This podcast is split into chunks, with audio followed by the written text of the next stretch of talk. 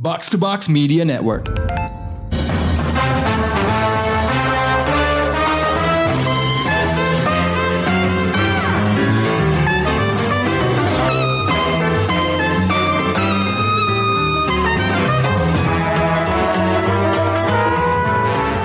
Putting out a show box. Di solo review Korea Vaganza kali ini gue mau ngebahas obsesi gue sejak tahun 2020 yang terus berlanjut ke tahun 2023 ini. Gue bakal membahas The Uncanny Counter, drakor fantasy yang bener-bener sesuai banget sama selera gue. Meskipun yang pengen gue review adalah season 2, The Uncanny Counter Counter Punch, gue pengen cerita dulu nih, gimana gue nemuin serial ini dan kenapa gue suka sama season satunya. Jadi pertama kali gue nemuin The Uncanny Counter itu adalah di Netflix pas zaman-zaman pandemi kemarin. Sebenarnya gue iseng nontonin drakor itu karena ya kok ceritanya kayak superhero team up gitu ya. Jadi gue coba nonton dan eh ternyata emang beneran kayak superhero team up. Gue langsung hooked oleh premisnya. Jadi ada seorang cowok anak SMA bernama Somun yang diperanin oleh si ganteng Cho Byung Gyu yang memiliki kelemahan fisik dan sering dibully di sekolah. Biasalah ya, namanya juga drakor, tiap kali ada karakter yang lemah pasti dibully gitu. Tapi si Somun ini hatinya pure banget, baik hati banget, dan mungkin sedikit naif, selalu percaya sama yang terbaik dari orang-orang di sekitarnya. Dia punya dua sahabat yang suportif banget, sahabatnya yang satu namanya Ung Min, cowok yang sering kena bully juga, dan yang satu lagi namanya Juyon, cewek. Mereka bertiga itu bikin webtoon, nga- gambar dan nulis cerita bareng. Jadi persahabatan mereka itu erat banget gitu. Bahkan Somun tuh menganggap dua sahabatnya itu sebagai pengganti orang tuanya yang udah meninggal. Nah, persahabatan mereka inilah salah satu yang bikin gue suka banget sama season 1 karena tema keluarganya kok kenceng banget ya ternyata. Apalagi terus tema keluarga itu nggak berhenti cuman sampai di situ doang. Kita juga melihat gimana Somun yang hidup bareng kakek neneknya itu sering direpotin neneknya karena neneknya demensia. Terus nantinya Somun dan teman-teman barunya yang merupakan para counters juga mirip unit keluarga dengan ada bapak, ibu, om, kakak cewek. Nah, terus si Somun nih ngambil posisi sebagai adik cowoknya. Nah, tema keluarga itu kemudian dicampur lagi dengan cerita superhero yang pakai superpowers yang dimiliki oleh uh, para counters. Jadi kalau kalian ngikutin Uncanny Counter dari season 1, tau lah ya adegan ikonis itu di mana Somun lagi jalan-jalan sama Ung Min dan Juyon, terus dia jalannya pingsang dan harus pakai tongkat, tapi tiba-tiba ada cahaya yang masuk nabrak badan dia, ngelempar badan dia ke atas dan tiba-tiba rambutnya jadi keriting. Itu nandain bahwa ada spirit dari tempat di afterlife bernama Yung yang udah masuk ke jiwa dia dan menjadikan dia seorang counter alias seorang pendekar manusia yang mendapat kekuatan super demi mengejar dan membasmi para roh jahat yang kabur dari afterlife untuk ngerasukin manusia-manusia berhati kejam. Intinya kalau orang jahat udah kerasukan roh jahat, si counter ini tuh harus ngelawan mereka. Nah dengan begitu di season 1 Somun jadi anggota terbaru tim counter di Korea yang terdiri dari Chumeok, Gamotak, dan Dohana. Tapi sebenarnya walaupun season 1 itu spesial karena yang tadi gue bilang ada tema keluarga dan superhero itu bercampur jadi satu, sebenarnya ceritanya cukup standar villains yang ada semuanya tuh stereotypical drakor yang kita udah kenal. Ada pejabat korup, pengusaha shady, uh, bully sekolahan yang ngandelin kekuasaan bapaknya, terus ada orang-orang suruhan yang sok penting dan suka ngasal. Jadi meskipun ada unsur baru yang dikenalin bahwa orang-orang jahat di bumi itu bisa lebih bahaya lagi kalau kerasukan roh jahat yang kabur dari neraka, sampai harus diburu sama counters dan dikirim balik ke tempatnya yang namanya Yung tadi itu, ya itu intinya sih musuh-musuh utamanya tetap standar drakor. Villain utamanya aja adalah grup konglomerat bernama Taishin Group dan ada pejabat korup di tengah-tengah mereka, wali kota kota Jungjin di mana Somun dan para counter ini tinggal. Jadi yang bikin roh jahat terkuat di season 1 itu yang namanya Ji Chong Shin itu jadi makin ngamuk adalah ya orang-orang jahat ini dan inilah mereka yang ngancurin Somun dan para counters. Nah, kalau season 1 ceritanya juga lebih episodik dalam arti masing-masing episode atau per dua episode ada ceritanya sendiri. Jadi meskipun si Ji Chong Shin itu tetap muncul uh, dari awal sampai akhir dan makin lama makin kuat, season 1 masih tetap terasa normal. Justru yang lebih menarik itu adalah gue bilang tadi, world buildingnya yang unik dan karakternya yang heartwarming. Lagi-lagi cerita-cerita afterlife itu kan udah biasa ya di drakor. Tapi memang seinget gue belum ada yang kayak gini. Gabungan antara kekuatan supernatural dan manusia biasa yang kemudian membentuk tim superhero. Nah ini yang unik banget. Apalagi terus para counternya itu terdiri, dari warga yang tertindas gitu. Bayangin aja ibu, ibu rumah tangga kayak Shumeok bisa berantem tapi jago masak mie. Terus ada si Gamotak yang mantan polisi dan jadi strongman di grupnya ternyata dia amnesia dan konyol dan pokoknya rada-rada dodol gitu. Ini nggak seperti superhero lain yang muda, cakep, cowok umur 20-an yang biasanya. Iya memang ada Somun sih, tapi di sekeliling dia juga banyak karakter menarik. Meskipun filmnya B aja, jadi kita terhibur ngelihat chemistry para counter dan dunia mereka yang unik. Nah, respon untuk season 1 kan oke banget ya dari penonton. Jadi jelas tim produksinya mutusin untuk lanjut ke season 2. Season 2 lebih pendek dari season 1. Kalau season pertama itu ada 16 episode, season kedua cuma 12 episode. Dan tiba-tiba feel-nya jadi beda banget. Sesungguhnya season 2 itu menjawab kritikan gue tadi terhadap season 1 yang gue tadi gue bilang itu, villain yang biasa aja.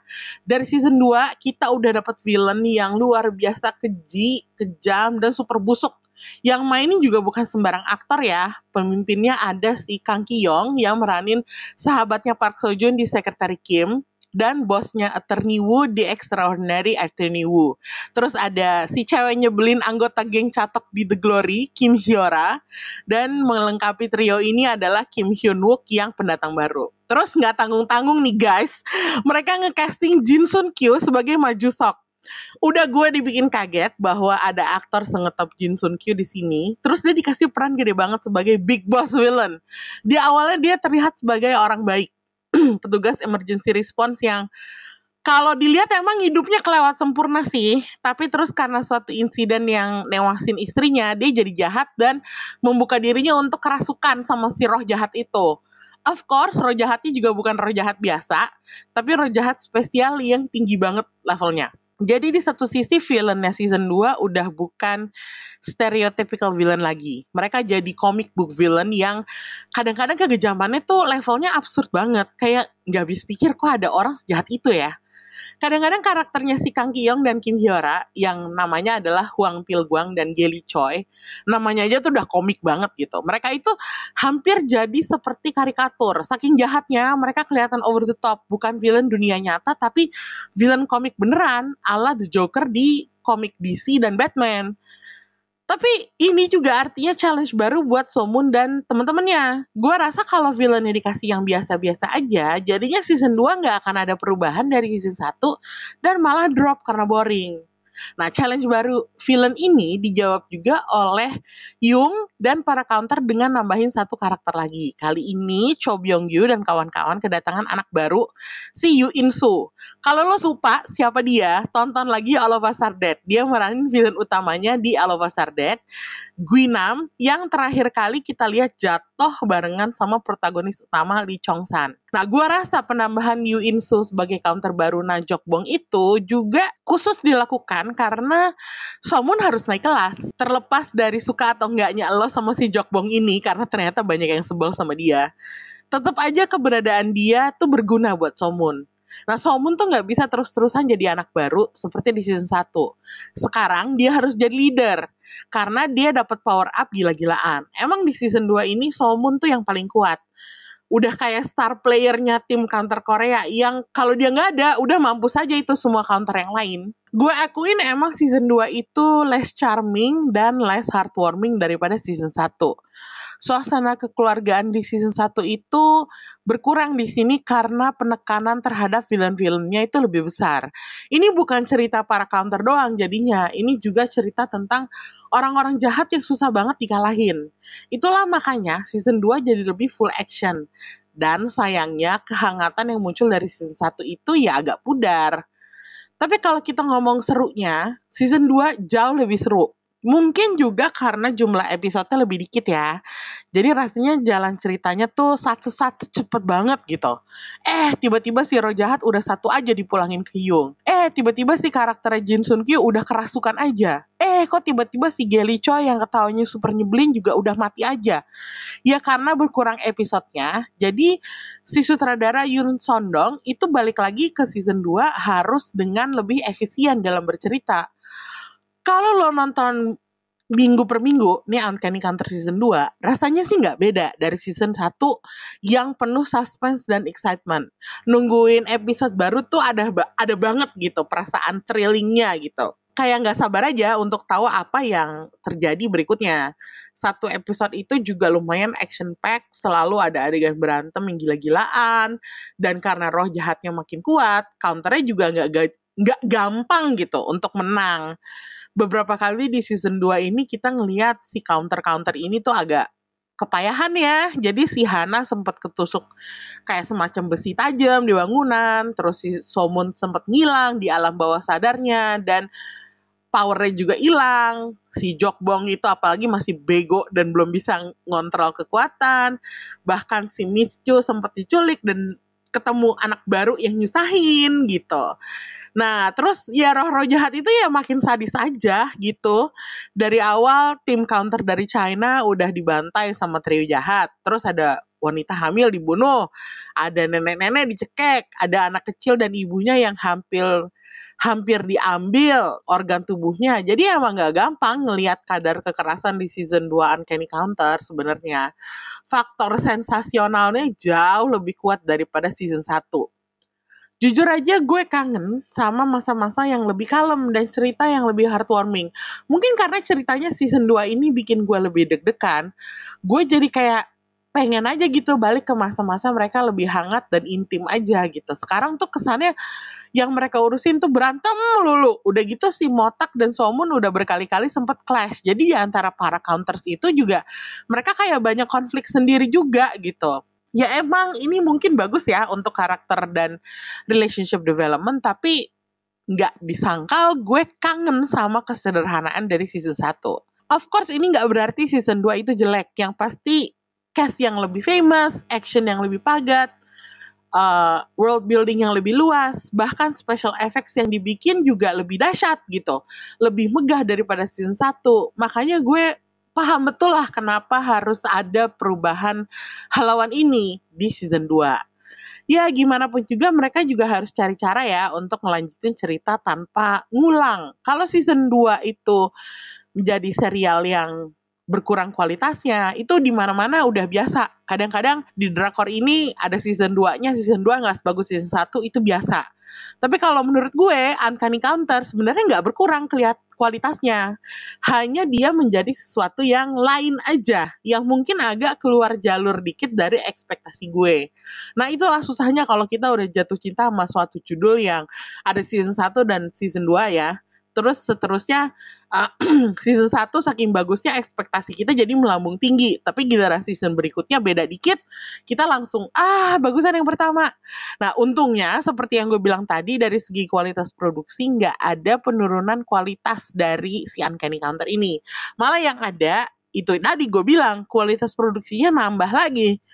Di sini mereka bisa punya setting baru lokasi baru, tambah karakter baru. Seperti gini ya, contohnya dari setting baru yang bisa gue apresiasi adalah mereka dapat adegan-adegan outdoor yang cukup panjang. Ada satu episode fokus di Najokbong di peternakan bapaknya bareng sama sapi-sapi dan lumpur. Terus waktu si Hana dapat love interest, mereka pergi kencan gak cuma di restoran doang, jadi mereka jalan-jalan ke berbagai tempat. Terus juga ada setting penjara yang jadinya sering muncul. Ini berarti world buildingnya Uncanny Counter nih makin nambah dan makin luas.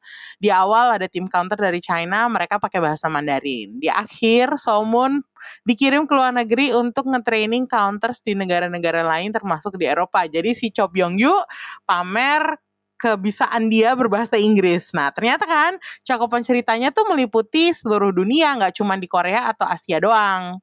Nah, pada akhirnya di akhir season 2 ini gue juga baru paham kenapa aktor sekaliber Jin Sun Kyu yang gabung di Uncanny Counter season 2.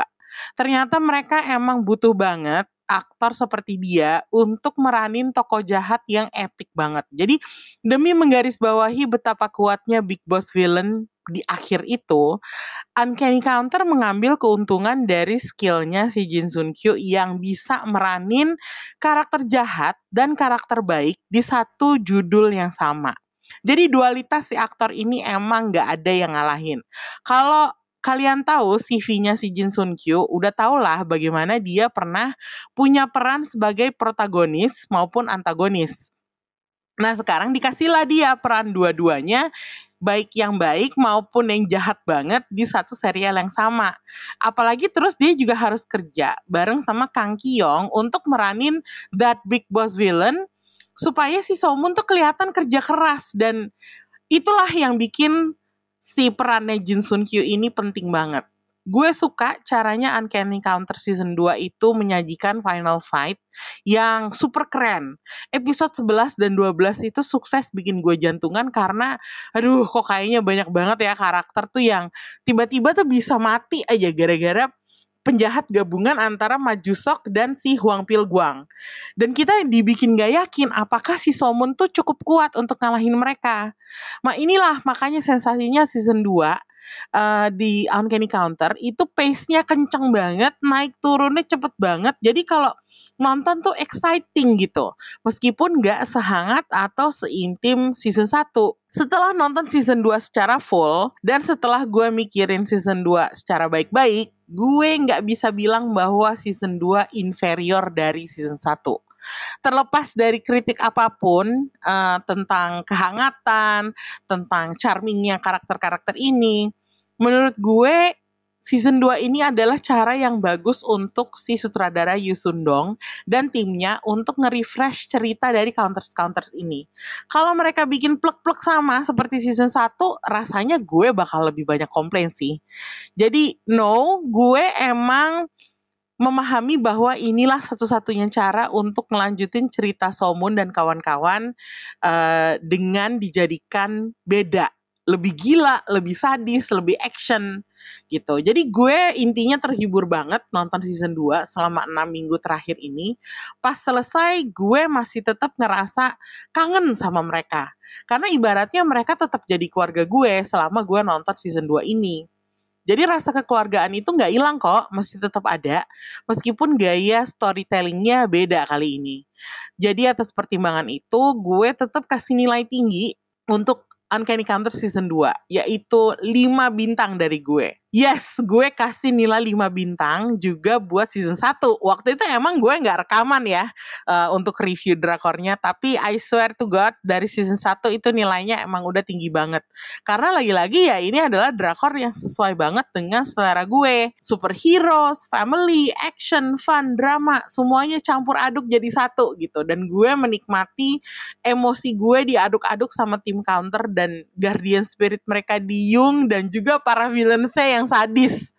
Bisa dibilang kayaknya ini sih drakor favorit gue sepanjang masa ya. gue bisa nonton season 1 berulang kali dan sepertinya season 2 Uncanny Counter ini tetap bakal gue tonton berulang kali karena ya kalau nggak ada drakor lain yang seru juga ngapain nonton yang nggak seru itu mendingan nonton Uncanny Counter lagi gitu. Oke, jangan lupa ikutin Uncanny Counter season 1 dan 2 di Netflix dan nikmatin penampilan Cho Byung Gyu, Kim Sejong, Yum Heran, Yu Jun Sang, Kang Kyong dan Jin Sun Kyu di drakor terseru tahun ini buat gue. Thanks for listening. Annyeong.